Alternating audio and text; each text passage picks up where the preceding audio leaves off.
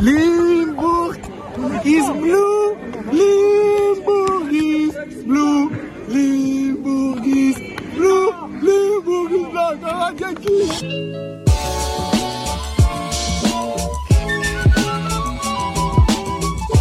De laatste Genkse storm is gaan liggen. John van der Brom is onze nieuwe T1. We gaan het er in deze Trail Talks uitgebreid over hebben. Iets om over na te denken. Van wat hebben we er meer? Ex-trainers of derbyzegers? In ieder geval hebben we er weer een derbyzege bij. Genk haalt trouwens 12 op 12 sinds de geboorte van The Talks. Toeval of niet. Maar we gaan wel voor de 15 op 15 tegen Moskou. Hè? Uiteraard. En onze centrale gast vandaag is Houtakker. We hebben het niet over Joke Schouwvliegen, maar wel over één van de auteurs van het boek Genks Geweld. Een beklijvende chroniek die de ontwikkeling van de Genkse harde kern schetst. Hij zag het zelf niet zitten om de voor- en nabeschouwing mee te doen, maar we voelen hem wel aan de tand over zowel het boek als over zijn toch wel speciale bestaan als Genkie. En trouwe luisteraars zullen het verschil in geluidskwaliteit al gemerkt hebben, maar toch moest je een galm horen. Deze week ben ik wel het knuffelcontact van Theo en we op ruim 2 meter afstand op zijn eettafel. We merken ook dat er week na week meer en meer luisteraars de Real Talks ontdekken, waarvoor we jullie allemaal enorm dankbaar zijn. Je vindt ons nu ook op Facebook, dus gewoon The Real Talks in één woord opzoeken op Facebook. Volg ons gerust, eh, van tijd posten we ook eens een grappige meme. Het wordt afgezaagd hier, want we gaan het weer maar eens over een trainer hebben. Eh, John van den Brom is onze T1. Lau, is het eindelijk een blijver? Ja, dat weet niemand, hè, want het begint uh, een wederkerende kwestie te worden. Week na week gaan we op zoek naar een nieuwe trainer. Dus ik ben benieuwd wat uh, volgende week voor ons in uh, petto heeft. Maar ja, in ieder geval, ja, um, dat weet niemand. Maar Racing Genk is de laatste jaren wel een trainerskerkhof, dus alles onder voorbehoud. Maar er zijn wel enkele zaken, vind ik, die toch wel in het voordeel spreken van John van den Brom. Ik vind qua profiel sluit hij wel enigszins aan bij Jes Torp. Een man, een motivator, iemand die zijn ja, groep kan begeesteren. En de eerste onder de gelijken, eerder dan een soort van tyranniek figuur die de puntjes op de i wilt zetten, maar echt, ja, een, een, als het ware een speler binnen zijn groep. En in die zin denk ik dat uh, John van den Brom wel al sinds het type is dat, uh, dat Racing Genk nodig heeft. Uh, heeft natuurlijk ook kennis van, van de Jupiler Pro League. Heeft landstitel behaald met Anderlecht. Um, dus er zijn wel enkele punten ja, waaruit je kan afleiden dat het een goede keuze is voor, uh, voor Racing. Maar wat vind, wat vind jij daar eigenlijk van? Uh... Ja, ik ben, ik ben geen groot volger van de, van de eredivisie, dus ik heb me echt wel wat moeten, moeten inlezen. Vooral zijn, zijn periode bij, bij AZ. Uh, ik ken hem enkel van zijn periode bij Anderlecht. Ja, twee Champions League deelnames mogen we ook niet vergeten als hij titel heeft vermeld. Um, dat was niet zomaar een Anderlecht, dat was wel het Anderlecht met Mbokani, Praat, Bilja. Uh, ja, Jovanovic heeft daar ook nog een periode gehad. Mm -hmm. uh, Suarez heeft daar ongeveer anderhalf jaar gezeten. Toen hij ontslagen werd, dat vond ik ook wel uh, leuk om te zien. Allee, leuk, opvallend. Hij stond derde met Anderlecht. Ik denk dat ze daar nu wel voor zouden, voor zouden tekenen. op 12 punten van standaard. Play-off 1 bestond al, dus op zich was er geen verloren zaak. Maar toch is hij op de keien gezet. Uh, ik weet niet of dat, dat het begin was van, van de neergang. Het was ook wel door slecht spel. En uh, ja, je hoorde wel uit supporterskringen van Inderdaad. dat hij ner zichtbaar nerveus werd. En dat is ook wel iets dat in zijn nadeel spreekt. Het zou een trainer zijn die zichtbaar nerveus is of, of zich laat doen door de omstandigheden in periodes dat het minder gaat. Dus de, dat heeft men hem ook verweten. In periodes dat het minder gaat, inderdaad. En ook op periodes dat het er echt om gaat spannen. Want hij heeft in, in, in Nederland met AZ twee bekerfinales op rij zelfs, denk ik, verloren. Hè? Ja, oké, maar uiteindelijk heeft een Philippe Clement uh, hier ook op de meest schabouwelijke wijze de, de bekerfinale uit handen gegeven tegen Standaard. Ik zou hem daar niet op afrekenen, te meer omdat Utrecht had zich opnieuw geplaatst voor die bekerfinale. Is door corona niet doorgegaan, maar ze had ook daarvoor uh, Ajax geklopt met 2-0. Dus het argument, ja, hij kan niet om met druk of hij laat zich doen door de omstandigheden, kan vind ik toch wel de vuilbak in. Dus, ik, vind, uh, ik vind wel twee finales op rij verliezen. Dan, dan, dan maar het zijn, toch, het zijn toch ook twee momentopnames. Het is toch heel. Laat, is, laat me het woord lullig in de mond nemen. Het is toch heel lullig om, om op basis van twee keer 90 minuten ja, de rekening te maken van, van een volledige trainer. Het zijn 90 minuten in een cup. Genk is ook een echte bekerploeg. Het is money time. Wij verliezen, nie, niemand verliest graag een beker. Maar je moet die omstandigheden toch kunnen analyseren van die wedstrijd. Nu, ik was er niet bij, ik weet niet waar het lag. Maar ik vind, dan zit je toch te streng. als je een Ja, trainer gaat afrekenen Ik ben- op, ik op, ben- op twee keer Ik 90 wil niet te streng zijn, ik wil niet te streng zijn, maar ik wil wel zeggen, twee keer een bekerfinale verliezen, dan vraag ik mij gewoon af, ja. hoe, hoe handel je als trainer op het moment dat je weet van, het komende kwartier is het alles of niks, of we winnen die beker of niet. Daar komt het op aan. Hoe beslis je in money time als je onder de grootste druk staat, want hij wordt zelf niet graag herinnerd aan die bekerfinales. Dat wil dat zeggen dat hij in hindsight, dus als hij terugkijkt op die momenten, dat hij zegt van, misschien had ik toch wat dingen anders moeten aanpakken of niet. Kijkt hij daarop terug met een wrang gevoel? Of denkt hij van, we hebben er alles aan gedaan en als we die wedstrijd tien keer opnieuw spelen, verliezen we ze tien keer? Dat klopt. Want er is ook, er is ook een beetje sceptisch rond de persoon John van den Brom. Veel wordt ook gezegd over eh, ja, of hij al dan niet eh, tactisch eh, een wereldwonder is. Dat is iets wat, wat tegen hem spreekt. Hè. Hij is meer een motivator, iemand die meer moet hebben van zijn communicerende eigenschappen dan wel eh, ja, die met een tactische beslissing ehm, ja, het geweer van schouder kan veranderen in een wedstrijd. Ja, inderdaad. De groot tacticus, dat gaat moeten blijken, want inderdaad, we hebben gezien met Cyril Dessers onder andere, de Eredivisie is de Jupiler Pro League niet. Wat we wel weten natuurlijk, wat wel feiten zijn, eh, hij heeft wel geregeld, ik denk ook elk seizoen bij AZ heeft hij Europees voetbal kunnen afdwingen. En vooral, eh, als je de cijfers samenlegt, hij heeft gemiddeld 1,8 punten per match in vijf jaar AZ gehaald. Dat is niet slecht. Dat is niet slecht. AZ, ik denk qua standing in Nederland komt dat min of meer in het vaarwater van wat dat Genk is in België. 1,8 punten per match. Ik heb de oefening niet gemaakt voor andere trainers van ons. Maar ik denk dat een Philippe Clement niet veel, veel hoger gaat liggen dan dit. In Dat- een veel kortere tijd. Dat zijn heel aardige cijfers. Mijn vraag is dan, waar komt die kritiek vandaan? Ook bij de supporters van AZ. AZ Hij heeft het bij- echt in niet Neder- wild, eh, ja. ja, die waren echt blij achteraf. Die hebben gezegd van ja, enige deelneming, veel plezier ermee, zeiden ze. Ik weet niet waarom. Is dat dan iets, hopelijk, eh, wat we niet proefondervindelijk moeten gaan ondervinden? Of, of waar zou dat aan kunnen liggen? Ik, gaat, het echt om, gaat het dan echt om spelbeeld? Om, om het, het, het soort voetbal dat hij speelt? Want hij komt uit de Hollandse school. Ja. Dus dat zou normaal gezien synoniem, synoniem moeten staan met mooi verzorgd voetbal. Al huiver ik bij het woord Hollandse school. Doet mij oeh, terugdenken aan eh, Stuivenberg en de zijne. Eh, maar ja, goed. De 4-3 4-3-3. Ajax. Dynamisch voetbal. Daar wordt John van den Brom mee geassocieerd. Dus het zou in principe toch wel moeten lukken. Ik ben, ik ben geen fan van, van ehm, trainers in te delen in, in scholen. Eh, de Hollandse school, we moeten weten, de Hollandse school en de 4-3-3 is eigenlijk ontstaan, hele korte geschiedenisles, eh, na totaalvoetbal hè, van het eh, Nederlands voetbalelftal, Ja. onder andere Cruijff en dergelijke. We spreken hier dus over de jaren 70. Dat is intussen al om en bij de 50 jaar geleden. Moeten we ons afvragen hoe gedateerd zijn die ideeën intussen. Hoeveel ploegen spelen nog totaalvoetbal? Ja, oké, moet ik eerlijk in zijn. Allemaal. Allemaal, ja. allemaal spelen ze Ik totaal keek verwonderd Maar hoe, eh, naar Maar- hoe jij het hier allemaal kapot analyseerde, Theo. Maar hoe speciaal ben je nog als je, de, als je zo speelt? Ik denk, de Hollandse school differentieert zich in die mate niet van, van de Belgische school, voor zover dat er zo Ja. bestaat. Ehm, we kunnen alleen afgaan op wat dat wij weten, hoe, het, hoe hij het bij onze club doet.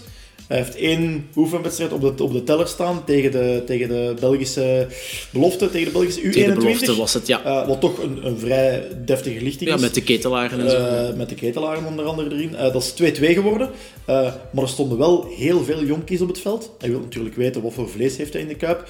Ehm, Oké, bij Torup heb ik dat niet gezien. Zij het in competitiewedstrijden. Maar het toont toch wel aan de richting waar Van den Brom wil uitgaan. Hij wil aan de slag met die jeugd. het is wel iemand die jonge jongens durft brengen. Ja, hè? ja. Ehm, Hij zou ook gaan vasthouden aan de 3-4-3, heb ik eh, gelezen. Zowel inderdaad, ondanks Hollandse school 4-3-3, zegt Maar- hij: Ik wil niks, ik wil geen paleisrevolutie maar, maar, maar, waar hebben we dat nog gehoord? We hebben dat nog gehoord met Matsu, nadat eh Philippe Clement andere oorden opzocht. Van, ik ga geen revolutie ontketenen. Ik ga hetzelfde voetbal ambiëren wat voordien succes heeft opgeleverd. Waarom niet uitgaan van je eigen kwaliteit? Ik vind het opnieuw weer zoiets van, ja, omdat die 3-4-3 nu lijkt te werken, en met alle respect, het spelbeeld vind ik nog altijd niet navenant. Het is efficiënt gebleken. Waarom niet uitgaan van eigen sterkte? Matsu kreeg wel een, een ploeg in handen die onthoofd was. Hè. Van, in vergelijking met de titelploeg eh, was, er, eh, was er heel veel volk weg. Terwijl nu John van den Brom neemt over van de, van de, van de, van de ploeg waar Torp coach was. Iedereen is er nog. Er zijn geen trans, uit, uit, uitgaande transfer. Hij krijgt zelfs Heine terug. Dan denk ik wel dat je, dat je kan zeggen van kijk, ik ga even verder op dit systeem. Maar ik denk ook wel van zodra dat er wat twijfel is, dat hij snel naar de 4-3-3 gaat uh, teruggrijpen. En wat dat voor hem tried and tested is. En dan gaan we zien hoe goed John van den Boom bij Genk past.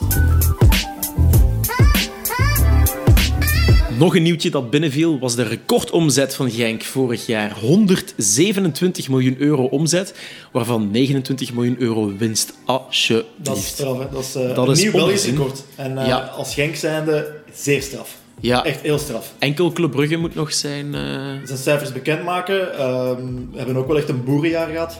letterlijk. maar maar, maar Schuin hem op. doet, niet, doet niet af aan, aan de uitzonderlijke prestatie van, van Genk hier. Wat hè. zich hier in Midden-Limburg afspeelt. Inderdaad, dat Ja, klopt. inderdaad. Ehm, ze zouden het gros hiervan eh, opzij zetten als buffer voor de coronacrisis, die dat een smak geld kost voor, voor alle clubs. Mhm. Wij hebben gelukkig daar reserve. Is een toonbeeld van, van goed beheer. hè. Ja, inderdaad. Dus eh, het beheer van een goede huisvader. Eh, ik heb mij laten vertellen dat de komende seizoenen, eh, zei Erik Gerrits, er ja, 5 miljoen volgend seizoen wordt eh, opzij gezet, als ook het seizoen daarna opnieuw 5 miljoen euro. Dus dat kan wel tellen qua, qua, qua structureel investeren in je club. Moet ook wel door de VZW-structuur die er is in Racing Genk. Dus alles moet opnieuw geherinvesteerd worden. Ehm, maar ja, zo zie je wel dat er in Genk ja, sprake is van een zeer goed beheer. Dit in tegenstelling tot andere clubs. Ik heb ook de cijfers gezien in Waregem. Die waren om te huilen met de pet op. En best wel daar moeten de rode. Moeten ex-spelers die Eh, uh, duivel zijn geweest. De kleur rood is niet voor niets eh, de kleur van Standaard. Dat is altijd zo geweest. Eh, een duivenkot tot en met. Dus in die zin ja, mogen we toch wel trots zijn op, eh, op Racing Genk. Hè, want we zijn vroeger zelf een duiventil geweest, medio jaren 90. En als je ziet wat voor stabiele club eruit voort is gevloeid met heel verstandige financiële ehm, beslissingen, dan eh, ja, credits due where credits is Ja, due. absoluut. Dus, eh, En dat als enige VZW eh, in, in het profvoetbal in België vind ik, vind, ik- vind ik heel straf. Ehm, als VZW moet je natuurlijk ook alle winst die je maakt opnieuw investeren in je organisatie. Gaat nu ook gebeuren, want Erik Gerrits maakte in het belang van Limburg gewag van een nieuw trainingscomplex dat de club wil bouwen. Ehm, men zou bijna klaar zijn met de vergunningsaanvraag in te dienen. Komt dat trainingscomplex waar het B-veld nu is, komt dat aan de jeugdacademie? Dat weten we nog niet. Nee, dat, eh, dat weten we inderdaad nog niet. En dat is ook niet de, de hamvraag, vind ik. Ik vind het gewoon belangrijk. Eh, Racing Genk is een club eh, ja, bij wie de, de jeugd of de doorstroming van de jeugd in het DNA zit. En ik vind dat we moeten blijven innoveren. En door te herinvesteren, herinvesteren in een jeugdcomplex opnieuw, blijf je ja, een straatlengte voorsprong hebben op de rest. En blijf je hen voor. En in die optiek vind ik het gewoon een heel verstandige beslissing om, eh, om in de jeugd te, te investeren, zodat je niet bijgebeend wordt door anderen. Hè. We zien onder meer dat eh Anderlecht op dat vlak in de laatste jaren een grote sprong vooruit heeft gemaakt. Maar zo blijf je de nummer één binnen België. Gaan andere clubs in, je, eh, in Europa je zo blijven associëren daarmee. En ja, dat is, daar komt enkel maar eh, een positief verhaal uit voort. Hè. Je gaat betere spelers kunnen aantrekken. Dus het is allemaal zelfbedruipend op dat vlak. Dus het is heel belangrijk. Het is de sleutel tot succes, die, dat investeren in dat jeugdcomplex. Ja. Een andere sleutel tot succes, en iets wat al langer op tafel ligt, is natuurlijk het stadiondossier. Ehm, was, er werden de wildste verhalen de voorbije jaren gedeeld, tot zelfs een verhuis naar Hasselt. Eh, ik denk dat die er wel niet meer zal komen. Of, of, aan, of aan het klaverblad Nee. van Lumme. We hebben de gekste verhalen Ja, die allemaal niet voor... Heel veel, heel veel cowboy-verhalen. Het, Maar dus, een eh, stadion op het Klaverblad, dat zou het, eh, zou het geweest zijn. Ja, het Klaverbladstadion. Het zou een heel mooie naam. Huiveringwekkend. Huiveringwekkend. In ieder geval. Nee, nee, nee. Maar eh, men zit nu op dit moment in een, eh, in een studiefase. Dus eh, er zijn twee mogelijke locaties, eh, denk ik. Dus ofwel blijven op het huidige stadionplein eh, aan de voet van de trail. Hè.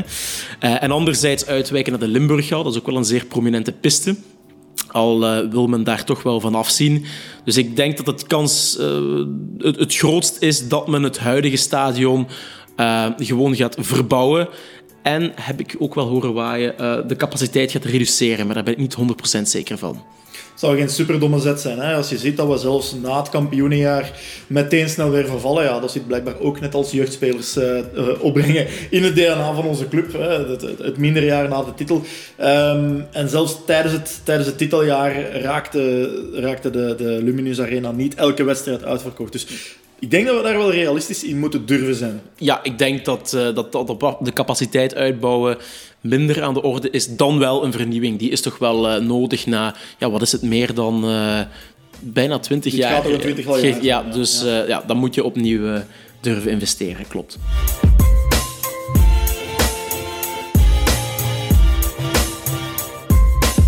Het leefde veel minder, maar wat dat mooi aansluit bij het thema eh, van deze aflevering. Het borrelde wel wat tussen de harde kernen.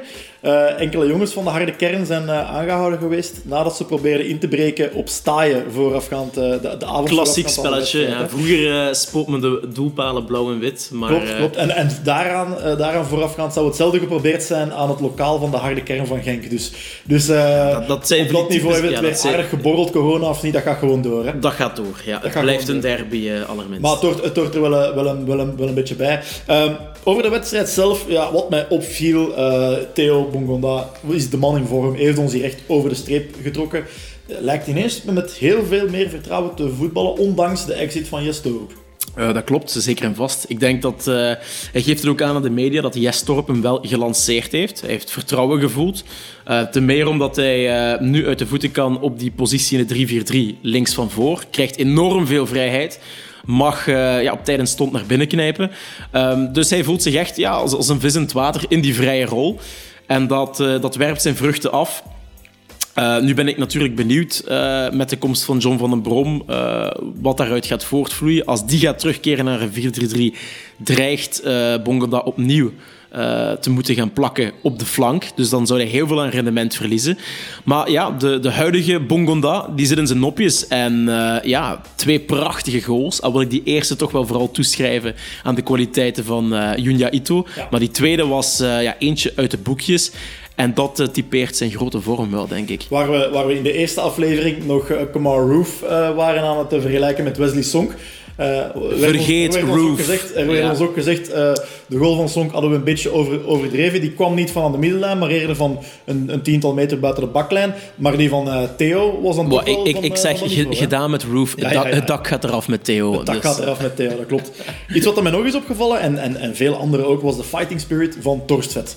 Ik weet niet of je het gezien hebt, maar had, uh, Lekker lijp kereltje. hij, moest, uh, hij Ja. moest de ridder vooral uit de match halen. Ook de ridder toch wel een van de betere En spelers uh, van ging met rood van het terrein. Goed, had daar niet direct mee te maken. Nee, had niet mee te maken, maar iedereen heeft die fase intussen wel gezien. De ridder Ja. eh, wordt in beeld gebracht terwijl hij van het veld wandelt. En eh Torstvet komt nog plagend Ja. eh, een handje vragen en kijkt dan eh, verbijsterend wanneer de ridder Inderdaad. Nu goed, mocht zelf blij zijn dat hij nog het handje mocht geven. Want er was toch bijna een VAR-moment geweest. Ja. Eh, dat er niet is gekomen uiteindelijk. Ehm, hij is enkel bestraft met geel, denk ik, in die fase. Eh, maar goed, ja, onder meer Frank de Bleker opperde toch wel dat, het, eh, dat hij van het terrein had moeten gestuurd worden indien er een VAR-moment was gekomen.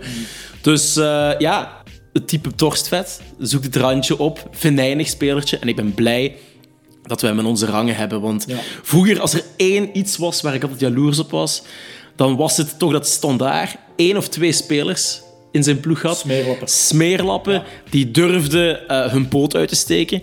En met Torstvet heb ik eindelijk het gevoel, nu hebben we ook zo eentje. En eh, ja, nu wil ik hem er maar afgeven. Fantastische Ja, speler. absoluut, absoluut. We hebben het ook gezegd op onze, op onze Facebookpagina trouwens, eerder, eerder na die match. Ja. Eh, dat dat echt de smeerlap is die we nodig hadden. Ja. Het leek echt een verlengstuk te zijn van de fans. Normaal is dat zo'n beetje de, de, de, de, de ideale schoonzoon op ons middenveld. Eén van de. Maar toen, die wedstrijd heeft Mhm. En hij, echt de harten van, heel, hij- veel, van heel veel supporters. Dat niet alleen, want dat zijn randzaken, maar hij destabiliseert de tegenstrever. Ja. Dus wat hij doet op het einde, en heel veel mensen doen er dan wel lacherig, over, maar als hij de- destabiliseert zijn truiden, ja, gewoon door die kleine relletjes en opstoten te veroorzaken, ze worden geagiteerd, geïrriteerd en ze komen daardoor niet meer aan voetballen toe. En ik kan mij niet van de indruk ontdoen dat we vrij vlot uit die eindfase van de wedstrijd zijn gekomen. Dus ja, dat is ook een verdienste van Torstvet. Ik durf het zelfs ongenks te noemen, de manier waarop we zo winnen. Ja. Maar in zo'n derbies mag het strijdplan wel vaker hè. Ja, dus eh, daar geef ik u 100% gelijk in. Wie mij, wie mij ook opviel positief waren eh, opnieuw Munoz en Cuesta. Eh, twee van de Colombianen van achter. Zeer sterk. Lukumi, ik heb gelezen in de week dat hij het meeste kopduels wint. Ik vond hem een beetje... Ik vond hem een beetje Ik vond, Mu- de ik, ik vond, ik eh, vond Munoz ook niet geweldig. ik vond, ja, samen met Cuesta vond ik... Maar ik, kan- Ik heb wel zoiets, want er zijn perikelen geweest onlangs weer. Gaat Melen ons verlaten of niet? Eh, ik blijf het zeggen, als Munoz de plaats van Melen gaat moeten bekleden, dan gaan wij in de problemen komen. Maar dat is een discussie waar ik misschien zelfs nog over wil, wil hebben. Eh Lukumi zit gewoon niet in goede doen. Eh, Hij heeft dringend een wake-up call nodig. Heeft de kwaliteiten, daar hebben we het uh, al ruimschoots over gehad. Maar het was enkel uh, Questa die daar centraal achterin uh, zeer zeker acteerde. Maar het aantal individuele fouten was, was opnieuw, wel, ja, opnieuw, niet op één hand te tellen. En dat is waardoor wij dit seizoen al zo vaak tegen een achterstand hebben aangekeken. Door die individuele fouten. Absoluut, die moeten eruit. Tegen Gent heb ik er zo onnoemelijk veel geteld. En tegen Sint-Truiden opnieuw, nadat we die 1-0 maken. Dus dat is het grootste werkpunt, eerder dan het systeem of de vibe of iets anders. Het zijn de individuele fouten achterin. Heeft dat te maken met vertrouwen? Heeft dat te maken met ingespeeld zijn op elkaar? Uh, laksheid. Laksheid, ja? Ik blijf er bij laksheid. Um, ik vind niet dat Lukumi uh, acteert op het niveau van zijn eerste jaar. Er is een soort van gemoedelijkheid ingeslopen.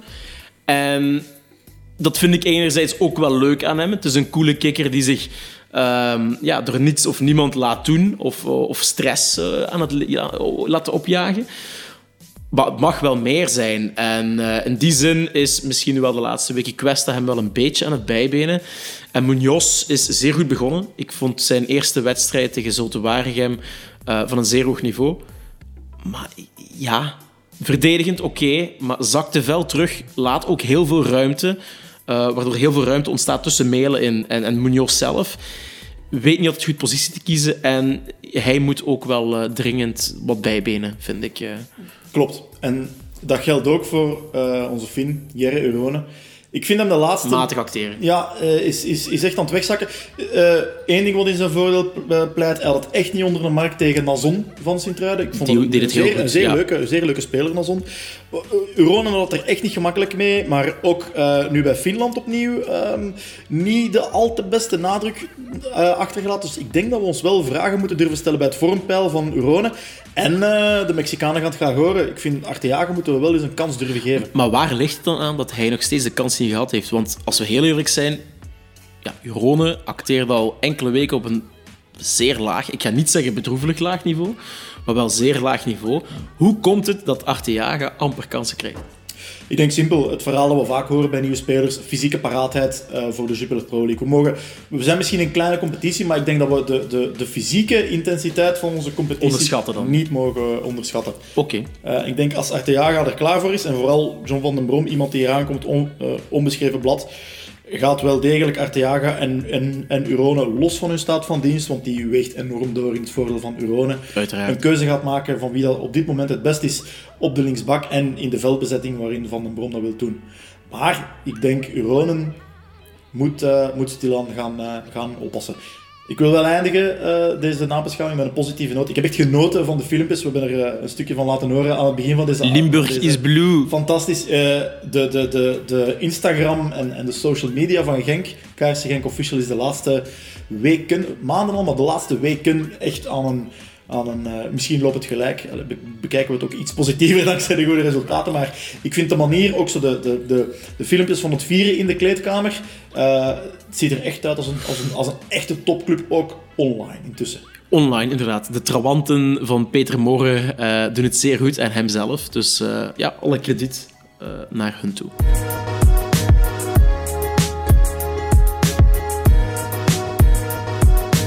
We zijn bij ons centrale thema van deze aflevering aangekomen. Het boek Genks Geweld, ik citeer, ontstaan uit vele interviews en diepgaande gesprekken met de gasten die op de eerste rij staan en stonden.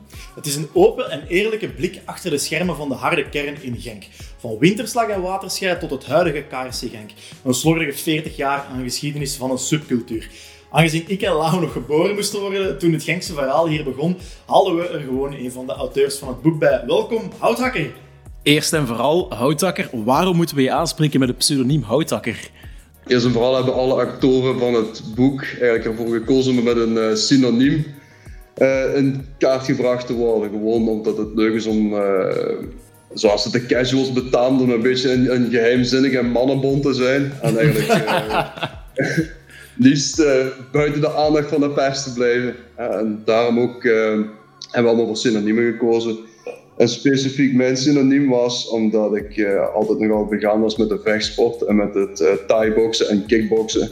Mm. En mijn grote favoriet was destijds Peter Aarts. En Peter Aarts was die lumberjack. En zo noemde ik me eigen ook de houthakker. Maar dat was niet alleen omdat ik mij, ah, niet dat ik mij daarmee vergeleek, maar dat was ook in de tijden toen de hooligan scene zo'n beetje opkwam op het uh, internet, was dat eigenlijk altijd mijn schuilnaam. Oké. En hoe ben je in de eerste plaats Genk supporter geworden? Want daar beginnen we wel graag mee. Goh. Het zit ver. ja, uh, het gekke eigenlijk is, zoals je ook in dat boek kunt lezen, dat was ik altijd uh, met, uh, met buurman, dat we eigenlijk met, altijd met dienstvader, omdat hij heel veel contact had binnen de voetballerij, ging hij overal te landen naar voetbal kijken. En natuurlijk wij als snotneuzen altijd in zijn kielzog en we gingen overal naar de befaamde sites kijken. Dus naar Brugge, naar Anderlecht, naar Standaard. En die, hij ging altijd naar die specifieke voetbalmatchen. En het is niet zozeer dat toen destijds, toen we eigenlijk op een slagvaardige leeftijd kwamen, dat Genk toen eigenlijk zo'n aantrekkelijke club was. Maar wij waren wel zoiets van, oké, support your locals. En dat was eigenlijk het... Nou ja, als Limburgers had je twee keuzes, of je ging naar Genk, of naar Lommel, of naar Sint-Truiden. Mm. Natuurlijk was voor ons evident dat we naar Genk gingen. Dat je naar Genk ging, inderdaad. Maar alvorens, ja, ik, ik weet niet, vanaf welke periode spreken we dan op dat moment? Uh, begin jaren 90. Begin jaren 90. Maar misschien eerst over uh, de fase die vooraf ging. Uh, het verhaal Waterschijn Winterslag, want dat komt ook wel terug in uw boek. Uh, die had op dat moment ook twee harde kernen. maar ja, op welk vlak verschilden die eigenlijk van elkaar? En hoe moeten we dat zien? Nou, dat zijn ook meestal de verhalen die ik meeneem van, van de oudere garde van, van destijds. Is dat Winterslag veel meer ja, serieus genomen werd in, in, die, in die scene eigenlijk. Mm En terwijl Waterschijn meer een, een veredelde spionkop was eigenlijk. En maar Winterslag was eigenlijk het lelijke eentje van de stad. En ik de harde grauwe club, terwijl Waterschijn eigenlijk uh, ja, het mooiere was. Zo, uh, zo kwam het had altijd meer prestige dan de vieze mannen van uh, ja, ja, Winterslag ja. inderdaad. En dat, dat, dat werd ook altijd beweerd, oké, van, van Winterslag zeiden, ja, maar Waterschijn krijgt steeds meer persaandacht en krijgt, wordt mooier naar voren geschoven. Ja, dat was het, uh, het typische uh, ik en wij verhaaltje. Of wij en zij verhaaltje. Het wij en zij verhaal, inderdaad. In het boek staat te lezen dat, dat je maanden of zelfs jarenlang verhaal optekende van de jongens die, die vooraan stonden. Um, kent je zo goed als al die mensen persoonlijk? Of, of hoe zit je hier te werk gegaan? Want het gaat daar, ja, zoals ik zeg, over meer dan 40 jaar aan geschiedenis. En er staan zelfs getuigenissen in van tegenstanders. Ik herinner me een hele leuke getuigenis van een fan van Arsenal. Ja, hoe, hoe gaat je daar aan te werk? Hoe onthoud je dat allemaal? Hoe, hoe heb je al die mensen op speed dial staan in je gsm? Of hoe, hoe nee, nee, nee, nee, Ja, dat is natuurlijk dat is ook wel echt een netwerk voor mensen binnen, binnen Gengen bij andere clubs die zich daar altijd fanatiek mee bezig hielden. Dat was ook altijd de kern binnen de kern. En destijds was ze eigenlijk ook, want bijna dus die fanatiekelingen die zich daar zodanig mee bezig hielden van alle clubs in België, die kenden elkaar ook. Dus we gingen elkaar in het weekend gingen we ook wel eens uh, een pint samen drinken. En uh, oh ja, wat, wat, heb je nu en wat zijn daar de trends en wat is dit? Of dat we samen naar, naar het buitenland gingen.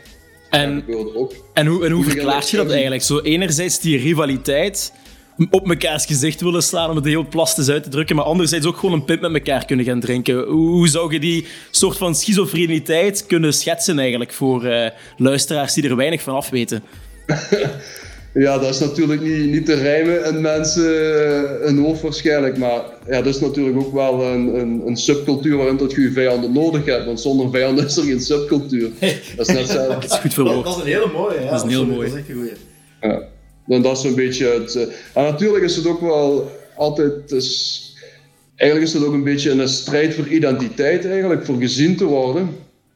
En natuurlijk, hoe raar het ook klinkt, streef je ook naar erkenning van de andere groepen, die u eigenlijk moeten erkennen in uw hardheid of in uw durf. En wat dat betreft is het gewoon leuk om een heel kort lijntje met die andere clubs te hebben. Eh, gezegd, de, de manier waarop je dat beschrijft, doet me denken aan... Um, het is een toneel waar je zelf ervoor moet zorgen dat je club er aanwezig is. Want op een, op een extra sportief toneel um, gaat je u als persoon die niet met de club professioneel gelieerd is, uw club wel vertegenwoordigen. Dat is een hele speciale mhm. manier om dat te doen. Mijn vraag eigenlijk is, hoe kiest je al dan niet bewust als, ik vermoed, jonge kerel voor zo'n bestaan? Want je verschilt enorm van de supporters die even hard of zelfs harder dan jullie supporteren en gewoon een hamburger komen eten en, en, uh, en komen zingen voor de wedstrijd bijvoorbeeld. Ja, ja, ja, ik denk dat dat is iets karakterieels, maar ook daarom niet vreemd aan de mensen. Ik denk dat het echt ook iets is met, met identiteit te maken heeft en met uh, geldingsdrang. Nu, heeft zich dat op een voetbal geuit, maar vroeger was het eigenlijk ook heel. Ja, tot het ene dorp bij het andere dorp uh, de meiboom ging pikken of op de kermis. Ja, uh, we, hebben hier in Leuven de, de, de, vrouwen gingen lastigvallen en dan moest er ook gestreden worden. Dus het gaat eigenlijk. Ja, dat is een simpele kampenoorlog. Maar Houtakker, je hebt het al heel vaak gehad over het woordje identiteit. Vind ik zelf een hele mooie. Hoe zou je die Genkse identiteit vergelijken ten opzichte van de andere in België en Nederland dan? Ja, op welke manier distancieert Genk zich eigenlijk? Of, of heeft Genk een aparte identiteit in de scene? We moeten het eigenlijk een beetje extrapoleren denk, naar eigenheid. Maar die eigenheid die wordt ook opgebouwd door ehm, de geschiedenis van de club natuurlijk. Het, het wel en wee ook. Uh, ja, de supporters, wie, wie maken die supporters uit? Ehm, als je bijvoorbeeld een club hebt gelijk, uh, gelijk Anderlecht of gelijk Brugge, die hebben supporters van over het hele land. Wij, noemden die vroeger altijd de Glory Hunters en dat is wel standaard. dus uh, hoeveel supporters eigenlijk van uh, in de jaren 90 dan speciaal eigenlijk, die, die naar standaard gingen, die gewoon eigenlijk uit onze regio waren. Dus eigenlijk Centraal Limburg of, of en vooral Hasselt en Diepenbeek aan die kanten allemaal. Ja, wat je eigenlijk typeert is eigenlijk vooral ja, die, die mijnwerkersachtergrond, de diversiteit van het publiek in die zin dat wij altijd wel een heel grote Italiaanse eh, inslag gehad hebben. Dus wat dat betreft is Genk eigenlijk, eh, eigenlijk altijd een beetje, want nu tegenwoordig is die ultrascene zo een zwang, maar Genk had eigenlijk altijd een beetje die, die zweem al mee, omdat dat gewoon intrinsiek was met die Italiaanse uh, volgers allemaal. Nu waren altijd, hè, is een, een multiculturele gebeurtenis, maar als het dan toch voornamelijk ging het dan meestal over ja, het, de Italianen die meegingen eigenlijk in het, uh, in het site gebeuren. En dat is altijd al zo geweest. Het multiculturele is inderdaad iets, iets typisch Genks. We werden of worden daarvoor nog vaak te kijken gezet, al dan niet bedoeld of niet. Hè. Wat is de prijs van, uh, van kebab en racing kebab en wat is het allemaal. Maar dat is natuurlijk wel, en, en ik als niet-Genkenaar, ik vind dat ook Genk, uh, is, is in mijn ogen een vaak geslaagde multiculturaliteit. Iets wat dat zich afspiegelde in de groepen die jullie hadden gaf het dan een mhm. goed gevoel om enerzijds tijdens de wedstrijd te horen uh, wat is de prijs van een kebab en dit en dat, maar dan die mannen achteraf met, met een echte meltingpot van, uh, van first class hooligans uh, een poepje te laten ruiken. Was dat, was dat een ding? Goh, nee, niet echt. Want dat, dat, dat kun je ook niet echt serieus nemen natuurlijk. Hè. Dat, is, dat is maar op en neer. Ja uh, gehoon eigenlijk. Uh, want wij wouden er op een gegeven moment ook wel onze geuzennaam van maken. Want dan zeiden ze vroeger, ja, dan, dan riepen ze of zongen ze een vak vol makakken en van die dingen. Wij wouden er onze geuzennaam van maken, net als Ajax bijvoorbeeld, hè, die ze dan Joden noemden. Maar terwijl Ajax dat eigenlijk heel mooi counterde door zichzelf eigenlijk Joden te noemen en dat eigenlijk uit te roepen tot een geuzennaam. Ja, nu de naam Ajax valt, uh, moet ik ook meteen denken aan Nederland. Er is altijd al een zeer lange, uh, dat gaat al heel ver terug, uh, broederschap geweest met Fortuna Sittard. Hoe is die eigenlijk tot stand gekomen? die vriendschap is ontstaan eigenlijk in Genk zelf. Al was het die van Sittard met een gedoodverfde vijanden van Rode aan de stok kregen. En dat we eigenlijk samen... Ingegrepen hebben, om het zo maar te zeggen. Hebben. Ja, en toen ja. is het eigenlijk ontstaan. Ja, want... Een betere manier kan men dan niet, Nee, inderdaad. En, want er wordt heel vaak ook in het milieu gezegd... Ja, Genk en Sittard, dat is bij wijze van spreken één groep. Is dat ook zo? Ja, zeker. En, maar dat is ook... Dat is ook de perfect match. En nu, ik ga ook altijd weer telkens terug naar eigenheid en identiteit, omdat dat toch wel iets is wat eigenlijk, wat ik vind, dat vooral op die, in die hooligans scene eigenlijk uh, eigen is. Want als je bijvoorbeeld kijkt, België heeft weinig nationale uh, intrinsieke trots op dat het allemaal gaan is van allerlei, uh, ja, ook interne cultuur zou ik maar zeggen. Een West-Vlaming is geen Limburg en een Antwerpenaar is, is, is geen Brusselaar. Maar als je dan kijkt, wij zijn dus Limburgers, maar die van Sittard zijn ook echt Limburgers. Ja, en dat was eigenlijk op heel korte afstand van elkaar. En de Limburgse mentaliteit is toch wel zoiets... Uh, die overschrijdt grenzen eigenlijk, uh, vreemd genoeg. Ja. ja. Dus we, hebben meer gemeen met een club die dan zogezegd over de landsgrenzen ligt, mm -hmm. dan ja, als je 40 kilometer of 50 kilometer omhoog rijdt richting ja. Antwerpen. Dus gewoon puur cultureel qua eigenheid, qua taal, qua dialect. Uh. Ja, dus echt heel cultureel en identiteit. Dat is toch wel altijd iets wat, wat terugkomt dan, wat dan toch de scene definieert eigenlijk. Hè? Het, uh, Ja, het wij versus zij verhaal, daar is alles rond gebouwd. Ja. Dus eh, Je hebt heel hard moeten nadenken over, over eh, hoe dat bijvoorbeeld Sittard eh, eh, een, een, een, eh, een vriendschap heeft gestart met Genk. Hoe lang ben je zelf actief geweest? Of ben je nog actief? Wie weet. Nee, ik ben helemaal niet meer actief. Ik ga nog heel af en toe eh, kijken naar de voetbal eh, met mijn jongste dochter, die ook graag voetbal ziet. En ik ga ook nog wel eens naar de feestjes. Of ik kom nog wel eens bij de jongens eh, van tegenwoordig eh, op café. Maar eigenlijk nog, eh, nog heel weinig. En hoe is dat eigenlijk zo ja, verminderd? Is dat door ouder worden of, of hoe moeten we het bekijken? Mm, Ja, ook omdat eh, op een gegeven moment, eh, vroeger in de jaren 90 konden we van alles doen. En dat was ook heel weinig controle, dat was ook heel weinig juridische grond voor, eh, voor u te arresteren. En die is gaandeweg, en met de voetbalwet die eigenlijk eind jaren 90 opkwam, is die eigenlijk heel erg eh, goed aangedikt. En dat was natuurlijk echt in ons nadeel. En na verloop van tijd eh, heb je altijd eh, dezelfde usual suspects. Wat ook maakt dat je steeds minder eigenlijk kunt doen.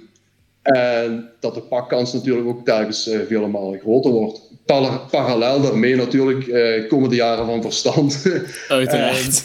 dat zorgt eigenlijk voor een, eh, eigenlijk een organische fade-out eigenlijk. Ja, op een gegeven moment moet je ook natuurlijk de kostenbaatanalyse maken. Ja, kijk, eh, het is goed geweest. En, en een mooie tijd geweest. maar het is goed geweest, hè? Het is, oh ja, het is goed geweest. Ik, ik, stel me, Het is goed ik stel me de vraag: hoeveel jaren zou je op je, op uw loopbaan kunnen, kunnen, kunnen plakken? voor, anciëniteit. maar- Ja, tijd inderdaad. voor je verlof Misschien krijg je er zelfs pensioen voor, eh Houtakker. Alles kan in België. Alles kan. ik- ja, toch, toch wel een, een echt actief, actief mee geweest. Ja, toch wel een kleine 15 jaar zo. 15 jaar. maar wij, zijn zo ook, pakken. wij waren er heel vroeg bij. En in die 15 jaar, wat is uw meest memorabele moment of anekdote?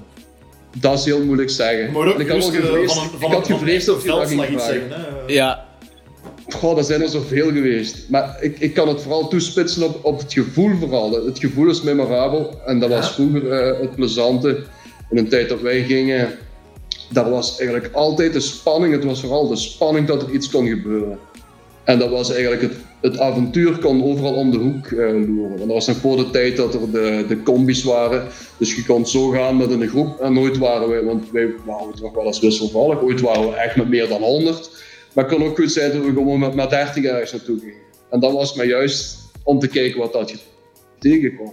En er was natuurlijk ook alle parkings die waren natuurlijk vergeven van andere groepen. Ja, ja, ja.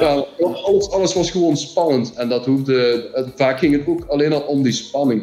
Want elk, elk weekend, waar dat je naar uitkeek, kon weer de volgende gravenvel zijn. Maar op belevingsniveau was het gewoon... ja. Maar was, het, was er zo'n moment dat het echt raak was? En we spreken misschien over de jaren 90 of begin jaren 2000, maar iets dat u echt is bijgebleven van hier hebben wij ons als groep getoond, of Genk zijnde, eh, qua firm, eh, dat je echt iets hebt van dit is mij bijgebleven na al die jaren.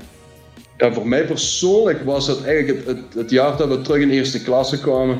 En dan zit je ook allemaal een hele grote groep van, van jongere gasten van rond, eh, die toen een jaar of 20, 21, 22, 23 jaar waren. En wij hadden natuurlijk heel grote ambitie om ook als alle grote eh, firms in België te worden. En we hadden al, al, al jaren in de krochten van, van de tweede, van de tweede klasse gezeten. Hè, en tegen Ja. clubs als, als Overpelt en Eeklo. En, ja, het waren toch die momenten dat we ons gingen organiseren en ze de eerste successen boekten en ons eh, konden laten zien. En ook al hebben we eh, gaandeweg eh, tot het steeds heviger werd, maar gewoon die eerste momenten tot ook denk ik een soort zelfbevestiging dat oké, we staan er en we zijn vooral onze, onze dromen te waarmaken. Enfin, ik de mijne, want ik wou altijd, altijd sinds kleins af aan, ik wou al ja, vanaf 6, 7 jaar hooligan worden. Want ik weet Hoe, een- hoe weet je dat zo vroeg? Hoe weet je dat zo vroeg? Dat is wel heel frappant. Dat is Ja. heel straf, ja. Ja, ik weet nog dat ik in vijfde studiejaar zat en dat ik, ik kende al alles van, want ik las toen ook allemaal die, die boeken van Bill Bufford en dan weet ik nog allemaal, toen hield ik al knipsels bij en ik mocht van de leraar toen op vijfde studiejaar geen, eh, geen spreekwoord doen over hooligans, omdat hij dat op een of andere rare manier niet gepast Zes, zeven jaar, toen, was Maar ik, toen, toen leerde ik lezen en speelde ik nog met Playmobil. Voilà, maar je weet niet wat je met een, met een pen, allemaal kunt. Ja, maar ik ook, hè. jong. ik ook, want wij, ik, ik speelde met mijn Playmobil voetbal en zo, maar ook die mannen, die, ik waren dan tribunes en dat, dat was ook belangrijk. Dus dat hooliganisme was voor mij een soort ridderke op de zijlijn. Ja, Ah, Dat Ja, dat, dat, is, toch iets waar ik mij zo'n vraag bij stel. Want het is al een aparte levenswandel. En zonder misschien al te psychologisch te gaan. Wat doet echt zo een heel jonge jongen beslissen van dit is wat ik wil van het leven? Dat is toch een vraag die heel veel mensen, mensen hebben. Want het is niet doorsnee, het is niet mainstream. Waarom die keuze? Ja, ik denk de meeste mensen die, die luisteren en die niet in die scene zitten, het gaat ook belangen na, niet alleen om dat, om dat vechten, dat is maar gewoon een klein, een klein eh, ja, bijproduct zal ik maar zeggen. Nu, het is wel een centraal iets.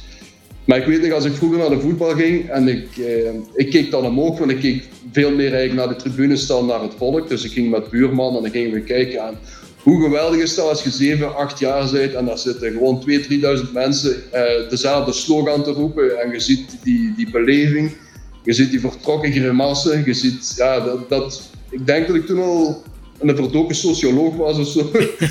dat, dat, dat, wat mij extra indruk maakte. Ja, En een hele aparte socioloog dan toch wel. ja, Je zei, je ja, je hebt net gezegd ehm, dat het, het vechten is een bijproduct. Maar wat is het grotere plaatje? Want er hoort natuurlijk, eh, in, in, allee, intussen kent iedereen het. Lyle Scott, Adidas, Stone Island. eh, Ja. Is het vandaag geworden? Is, maakt dat er een groot deel van uit? Of, of wat, is het, wat is het grotere plaatje hierin? Ja, die, die merken, dat kwam eigenlijk vooral overgewaaid uit Engeland. Dus de casual scene. En daar was eigenlijk de kledij die je droeg, die was, dat was even bepalend tot welke scene dat je hoorde dan bijvoorbeeld, ik zeg maar wat, de, de, de mods of de punkers Ja. of de skinheads ja, en, en al die, die culturen. En in Engeland was het natuurlijk heel erg eh, belangrijk dat je de juiste kleding droeg. want ik, we gingen van vroeger ook wel eens naar Engeland. En dat was peperduur en die mannen die konden dat gewoon niet betalen, maar dat, dat moest er gewoon komen. Langs Ja, ze roofden, ze roofden winkels leeg als ze, als ze op Europese, Europees gingen spelen in uh, Milaan. En waar het, waar het in Engeland waarschijnlijk meer gegroeid is uit een functioneel oogpunt. Dus om Ja. zichzelf te onderscheiden en te kleden als, als eh, jonge gasten van de, van, de, van de upper class, zeg maar, met al die merkkledij. Die niet opvallen, ja. Inderdaad, die niet opvielen tussen de, tussen de, de ordentelijke supporters in Engeland, zeg maar, is het hier wel echt iets van image geworden. Tot op de dag van vandaag eh, zijn, er, zijn er gasten die maandelijks bijna 1000 euro, als het niet meer is, daaraan uitgeven. Die dat echt als een uniform dragen, net om op te vallen. Dat is wel misschien het grote verschil met Engeland vroeger. eh. Ja, dat, ja dat, is, dat is natuurlijk. De, de kleren maken de man, zeggen ze. Dat kan wel zijn, maar de kleren maken nog niet de vechter. Ja, kijk, je kunt natuurlijk eh, je helemaal vol hangen met allerlei dure merken, maar dat maakt nog niet dat je, eh, dat je manneke staat en dat wat eigenlijk je taak is, eigenlijk in die scene. Ik moet zeggen, ik heb er mezelf wel heel erg in verdiept, omdat ik zo fanatiek en zo was, maar ik ben daar nooit niet eh, op anderen zo... Want mij maakte dat niet uit, al stond je daar ja, een gescheurde broek. Ik vond het wel altijd heel belangrijk dat je geen supportersattributen aan had, want dat vond ik Dat is verschrikkelijk. nog steeds, ja, dat, dat, is, dat is waarschijnlijk nog steeds zo, inderdaad. Dat is nog de Ja. norm, ja. ja, ja. Je zei, je zei net, je kunt je van kop tot teen uitdossen in een, in een bepaald merk, dat gaat je nog altijd geen vechter maken. Dat is één op één een citaat, want ik heb het boek eh, pas nog uitgelezen. Eh, een citaat uit een van jouw passages in het boek. Geef ons de, de kans om het ook over het boek te hebben, uiteraard, want je bent hier ook natuurlijk als, als auteur van, van Genks Geweld. In het boek staat dat, er, dat, dat, dat, dat, jullie, dat, dat, de auteur niet wil aanzetten tot geweld, maar er, het wordt wel, en, en dat is deels wel mijn eigen opvatting, het wordt wel wat geromantiseerd. Is dat niet een beetje dubbel? Het romantiseren is daar nog niet aanzetten tot. Want ik denk dat de meeste mensen het, het geweld aan zich wel afkeuren. En het moet ook geweten zijn dat de. Enfin, dan spreek ik voor mezelf en ik denk voor de meesten ook. Wij deden onze excessen niet ten nadele van de club. Maar onrechtstreeks natuurlijk, hè, en achteraf bekeken, ja, waren die natuurlijk ook wel ten nadele van de club. Of althans voor de ordehandhaving en voor de kosten. Ja. Wat is jullie relatie met het bestuur dan eigenlijk geweest? Nu je, nu je net zegt de club, hoe is jullie relatie altijd geweest? Goh, vroeger was het eigenlijk... eh, het, het grappige was in tweede klasse, want ik weet nog, toen, toen als Remy van Gaar, toen die nog eh, voorzitter was, die, eh, die bezorgde ons zelfs ooit bonnen en zo. Want eh, wij waren dan toch wel meestal... ja, maar ja, degene die echt overal Dat kun je je niet meer gingen voorstellen kijken, hè. tegenwoordig. Ja. En dat was, uh, ja, als je nader aan kijkt in Genk, uh, nu Limburg heeft, is eigenlijk altijd een, een, een, voetbalprovincie geweest, maar heel vaak gingen ze een heel ergens anders zoeken. En dat is eigenlijk al van, van heel vroeger dat, dat ganse supportersbussen naar, naar Borussia Mönchengladbach gingen of naar PSV kijken. Ook om, alleen omdat wij in Limburg niet echt een, een topclub hadden. Hè, uh, tot dan. De jaren 80 natuurlijk wel gingen ze dan naar Waterschee of Winterslag. Ja, dus maar, maar dat was mensen kunnen niet meer voorstellen dat er toen na 200 man uh, naar een uitwedstrijd gingen of zo, naar Eeklo of wie ging naar kijken. En toen had Genk eigenlijk toch nog wel een heel klein maar trouw publiek. En de harde kern was er natuurlijk wel altijd een integraal ja. deel van. En dat werd de, destijds wel heel erg uh, geapprecieerd. En het was zo dat we regelmatig drankbonnen en zo kregen. Gewoon uit dank dat wij toch de club en we kwamen daar de ambiance brengen. En naderhand natuurlijk, uh, toen de club populairder werd en het, de, de, marketing wat meer in de voetbal uh, kwam, werden wij natuurlijk wel uh, met een steeds schever oog bekeken, omdat we niet meer in dat... Ja, dat, dat, Toen werden jullie berucht in plaats van dat jullie uh, deel uitmaakten van ja, de, de, algemene sporterscharen. Ja. Maar misschien inderdaad, ja, toch nog heel kort eventjes over het boek, Houtakker. Wat wilde je effectief bereiken met het schrijven van het boek? Wat was het eerste wat er nu opkwam van dit wil ik dat mensen weten wanneer ze het boek kopen? In de bundel werd dat chronologisch onze strapatsen staan opgetekend. In de. Want het, het, het kaderde ook wel in de tijdsgeest van we hebben Juri Kivits gehad, die het uh, boek uh, ja. Feyenoord Hooligan had uitgebracht. Ook iemand van Beerschot had, denk ik, in datzelfde ja, jaar... Helden, helden na de match of zo. Ja, ja. een, een boek uitgebracht. Dus ik, ik, dacht misschien dat het daar binnen kaderde of zo. Dat het uh, een nieuwe tendens was om zo'n chroniek neer te pennen. Maar dat was nee. dan meer van een ode aan, aan onze harde kern. Ja. Daar waren ze eigenlijk al veel langer mee bezig. Maar de persoon die daarmee bezig was, die kreeg ook niet echt van de grond. En op een keer uh, hebben ze mij ook gecontacteerd en heel veel andere mensen die er dus eigenlijk allemaal weet van hadden. En ik ben zelf ook nogal een aanpakker. Als ik ergens één keer mijn tanden inzet, dan, dan moet het ook vooruit gaan. Maar ja, de, de opzet was eigenlijk vooral om, om ik denk eigenlijk eerst intern gekeken, dat we voor ons eigen gewoon een, een, een leuk aandenken hadden. Gewoon, gewoon voor, voor alle Genkies. Voor alle Genkies. Begrijpelijk. Komt er, komt er ooit een, een deel 2 of, of een gelijkaardig literair werk van, uh, van uw hand? Mm, nee. nee, ik denk dat ik alles uh, geschreven heb of ja, gekeken wat ik heb meegemaakt en wat dat ik ken uh, over die periode. Het leuke daaraan is dat ik ook de dingen zodanig heb kunnen beschrijven omdat ik heel veel zelf gezien had en waar dat ik niet bij was, kan ik me heel goed inbeelden wie dat die mannen waren die daarbij waren. En de het is aan de volgende generatie om dat op de juiste manier te doen. Maar dat is ook nog altijd dat is mooi, bedoel ik, uh, te proberen om de dingen te beschrijven zoals ze zijn. En het leuke is dat we heel veel goede commentaar kregen dat, on, uh, dat in vergelijking met vele andere hooliganboeken dat ons boek zo realistisch was. En dat we ook niet te beroerd waren om de nederlagen toe te geven en de moeilijke momenten. En onszelf ook ja, durfden te zeggen wat dat we onszelf belachelijk vonden. En dat was ook wel een streven, omdat we gewoon verteld hebben hoe dat het is. Ja, dus je waren heel objectief, of je waren heel objectief ja. in, het, in het schrijven van het boek. Misschien uh, ja, ter afsluiting nog één klein vraagje, uh, Houtakker. Um, zou je het aan, u, aan uw zoon aanraden om in het wereldje te stappen of niet? Ik heb twee dochters, dus... Ik dat is gemakkelijk, maar hypothetisch als je, als je een zoon zou hebben. In hooliganisme doen we niet mee aan seksisme, hè? Of wat? nee, nee, ja, nat natuurlijk niet. Maar als, als ik een zoon had en die zou mijn aard hebben, zou die ook niet luisteren. Ah, voilà. En zo is het ook bij u begonnen dan. okay. ik heb er ook veel uit geleerd. Dus uiteindelijk is het allemaal niet voor niks geweest, omdat ik er veel mensen, mensenkennis heb uitgehaald uiteindelijk. En ook uh, ja, en, en, de dingen die, die ik uh, op de dag van vandaag doe in mijn werk en zo, met betrekking tot leiding geven, met betrekking tot mensen aanvoelen, uh, is dat echt uh, toch wel een heel goede leerschool geweest. Ja, wat is dan de grote les die we kunnen trekken um, uit ja, uw carrière als, als hooligan? Zeker als we kijken naar de transformatie die je hebt uh, doormaakt. Wat is de grote les geweest, of de grote leerschool waar je over spreekt? Oh, je leert mensen heel goed en dat er heel vaak een discrepantie is tussen wat dat ze zeggen, wat dat ze uitkramen, hoezeer dat ze zich op een borst slaan. En dat als het moment uh, daar is, wie dan naar voren uh, stapt en wie dan erachter stapt. Want het is natuurlijk, ja, je, kunt, wel zeggen, eh, dat is misschien allemaal een raar gegeven, maar het, het is gewoon verslavend om ergens naartoe te gaan met het risico en de angst dat je serieus in elkaar geslagen wordt. Dat alsnog te doen, dus tegen uw natuurlijke reflex in, dus niet eh, flight or freeze, maar stay fight. En ja, dat is een heel bijzondere gewaarwording waar tot andere mensen niet over kunnen meepraten. Dat is net als ik wel eens met militairen praat, die dan eh, spreken als ze aan het front zijn. Ik kan me dan wel inbeelden wat dat is, maar ik kan dat niet meevoelen. Omdat dat nog een stap hoger gaat, omdat dat natuurlijk dan misschien kijken wat dat met ballistiek u geen kogel ergens op kan afketsen. Ik zeg maar wat. Maar voor de mensen die dit heel vaak hebben meegemaakt, je, ja, je doet een soort kennis op wat dat andere mensen niet bij kunnen. Je zet, u, je zet u inderdaad samen met de militairen. Oké, het is niet op leven en dood. In België althans niet, niet echt. Eh, wel met serieus gevaar voor natuurlijk blijvende letsels en dergelijke. Dat mogen we niet uitsluiten. Daar moeten we echt niet flauw om doen. Maar je zet u wel samen met militairen en, en andere beroepen en levensstijlen die, die hetzelfde gevaar lopen. Op een niveau waar je natuurlijk weet, de gewone samenleving heeft hier niks in de pap te brokken.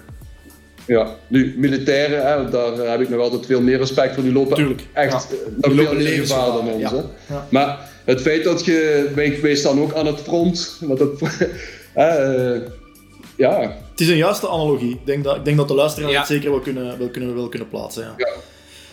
Ik, denk dat we, ik denk dat we hier eh, wel, wel kunnen afronden, Houthakker. Ehm, ook al heb je gezegd dat je het Genkse voetbal niet meer zozeer volgt, gaan we je wel een pronostiek vragen voor de wedstrijd tegen, tegen Moes Kroen. eh 2-0.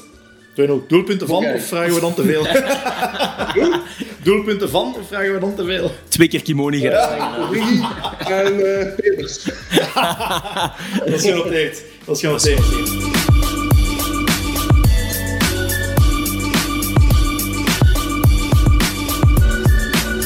Dan rest er nog eh, de wedstrijd die nu eraan komt tegen Moes Kroen.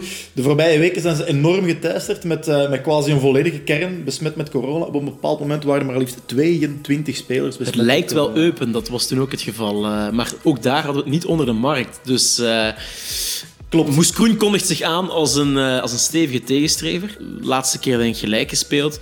Ehm, de keer ervoor eh, zelfs verloren onder het kamp kampioenjaar. hebben we thuis Dus verloren. Ofwel winnen we met een doelpunt verschil eh, na bibberen, ofwel eh, ja, is het kopje onder. Dus ik ben altijd op mijn hoede voor eh Het is die laatste drie, drie wedstrijden nooit fraai geweest. Mhm. Ik verwacht deze keer ook niet anders. Ehm, het is de eerste wedstrijd van hun, hun nieuwe coach, eh Jorge Simao, of jo Jorge Sim- Simao. Het is een, Uw Spaans is beter dan van mij. Het is Oh, Portugees, het is Portugees. Hij is aangesteld op 20 oktober, dat is, dat is bijna, ja, dat is, dat is dag op dag bijna een maand geleden. Ehm, maar door al die coronaperikelen bij Moes Kroen gaat hij nu pas zijn eerste match. moet je misschien zelf invallen. Gaat hij misschien zelf moeten invallen. Ja, Peter Cech, Peter Cech stond, stond bijna weer onder, onder de lat bij Chelsea. Hij is daar, ah, eh, oké. Ja, ja, ja. Kan ik- dus al. Ik wacht nog op de terugkeer van Gert Toemen bij Racing Genk. Dus, eh, Ehm, ja, Eupen, de laatste match hebben ze 2-0 verloren van eh, Eupen. Eh, Moes Kroen bedoel ik, heeft de laatste match verloren van Eupen. Dat was dus 18 oktober. Eh, meer valt er weinig over te zeggen. Er zijn twee spelers die me echt opvallen daar. Eh, dat is de doelman, Koffie. Eh, is wel een, een, Lekker. een eh, lekkere, inderdaad. eh, ze noemen hem in de kleedkamer ook bakje troost. Eh, nee, maar een zeer goede doelman. eh puntenpakker, letterlijk in die drie wedstrijden heeft hij er bijna eigenhandig voor gezorgd dat ze wel nog iets over de schreef hebben getrokken. En je weet hoe dat gaat met doelmannen die wereldwedstrijden spelen tegen ons. Eh, ja, inderdaad. Dat gebeurt wel vaker. Zeker Christophe Ehm, van Hout deed dat altijd. Inderdaad. En ik ben, eens, ik ben eens door de spelerskern gegaan. Er zijn er echt niet veel die ik ken. Er zijn weer heel veel huurspelers bij. Een van de huurspelers is eh Shadesh. Eh, dat is, eh, je, spreekt, je schrijft Xadas. eh kennen misschien degene die deze naam zien staan. Maar het is dus Shadesh. Ik herinner me die nog van een paar jaar geleden in God Betert Voetbalmanager. waar die te boek stond. Wat, wat kunt je ons daarover Ah, vertellen? stond te boek als een groot talent bij Braga. Eh, maar het komt er maar niet uit. Hij is toch al 22. Dat is een beetje het verhaal eh, Mats Muller-Daly. hè. Dat was ook een groot talent. maar het Eh, komt ja, er inderdaad. Ik heb, ik, heb zelf, ik heb nog zelf in het buitenland gewoond en gewerkt met enkele Nogen. En die wisten mij toen ook te vertellen over Daly. Ja. Dat Daly te boek stond als het grootste Noorse talent ooit. Maar geremd door blessures en nooit doorgebroken. Maar dan kun je je de vraag stellen. We hebben Daly nu blessurevrij zien acteren voor Racing Genk. Ja, is dat dan gewoon geen vormpiek vraag ik mij af, met zo'n spelers. En nu heb je het ook, je, je somt een hele race spelers op van Moes Kroen. Twee. Ja, ja, maar goed, zo, maar zo is het vaak ook in de media, hè, door journalisten. Het is de Messi van de Alpen of de Messi van dit. Zijn het gewoon niet vaak spelers die beginnen aan een professionele carrière met een vormpiek en die dan gewoon blijven haperen. We hebben het met zoveel spelers gezien. Ik wil niet refereren naar C-beschrijvers. Maar, maar we zien het met zoveel spelers die gewoon één of twee jaar boven hun kunnen acteren. En is dat dan ook niet het geval met zo'n spelers? Dat kan, dat kan perfect zijn. Ik lig ken er niet ze, wakker van. Ik ken ze onvoldoende. Ja. Eh, ik heb geen schroom om dat toe te geven. Ik, ik, ik, ik heb me gewoon wat ingelezen over de club. En jaar na jaar bij, bij, bij Moes Kroen zie ik van, ja, die hebben ze gehuurd van Fiorentina en die hebben ze gehuurd van Porto. En dan denk ik van, oh, wow, damn, dat is, dat is... Maar dan komen die hier aan en, en vaak dat zijn dat individueel wel goede spelers, maar die komen niet met hart en ziel voor Moes Kroen spelen. Hoeveel van die clubs, noemt ze nu op Fiorentina, dat zijn allemaal subtoppers binnen, binnen Europa, kopen zo'n spelers, verhuren ze meteen om hun toch nooit een, een plaats te geven in, ja, de, ja. in, de, in de officiële line-up. Ik, ik wil de spelers van Manchester City overal op aarde niet te eten geven. Nee, daarom. Dus, klopt. eh, Eh, dat is, dus dat is ik zeg gewoon, eh, Moes Kroen, beperkte ploeg, inpakken die handel en eh, opnieuw de drie punten binnen.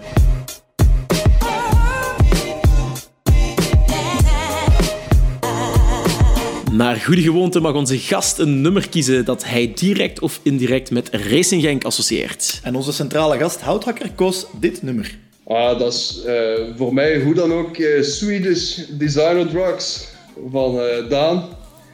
Omdat dat eh, ja, de plaat bij uitstek was, vond ik. Wat, wat op begin jaren 2000 zo de casual scene eh, uitdrukte. En als wij met ons auto's ergens naar, uh, naartoe reden. Ja, dat, die plaat die had voor mij een vibe die ik ook altijd wilde horen als een soort, ja, dat, dat leek voor mij net als een, opkomstnummer bij, een- bij een kickboxwedstrijd. Iets wat er die echt eh, de, de adrenaline erin liet komen.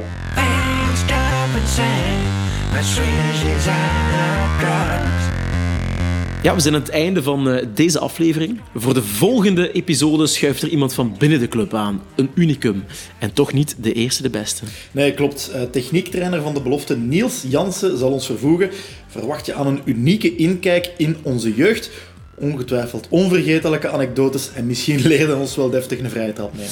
Blijf ook op de hoogte van Terrell Talks. We zitten op Facebook, Terrell Talks aan elkaar geschreven. En volg onze podcast op Spotify, Google Podcasts en Apple Music. Of simpelweg op terrelltalks.castos.com. Zoals we eerder al zeiden, jullie luisteren steeds met meer en meer. Waarvoor dank. Blijf een goed woordje voor ons doen, zodat we er samen de podcast van blijven maken die een mooie club als KRC Genk verdient. I was shot by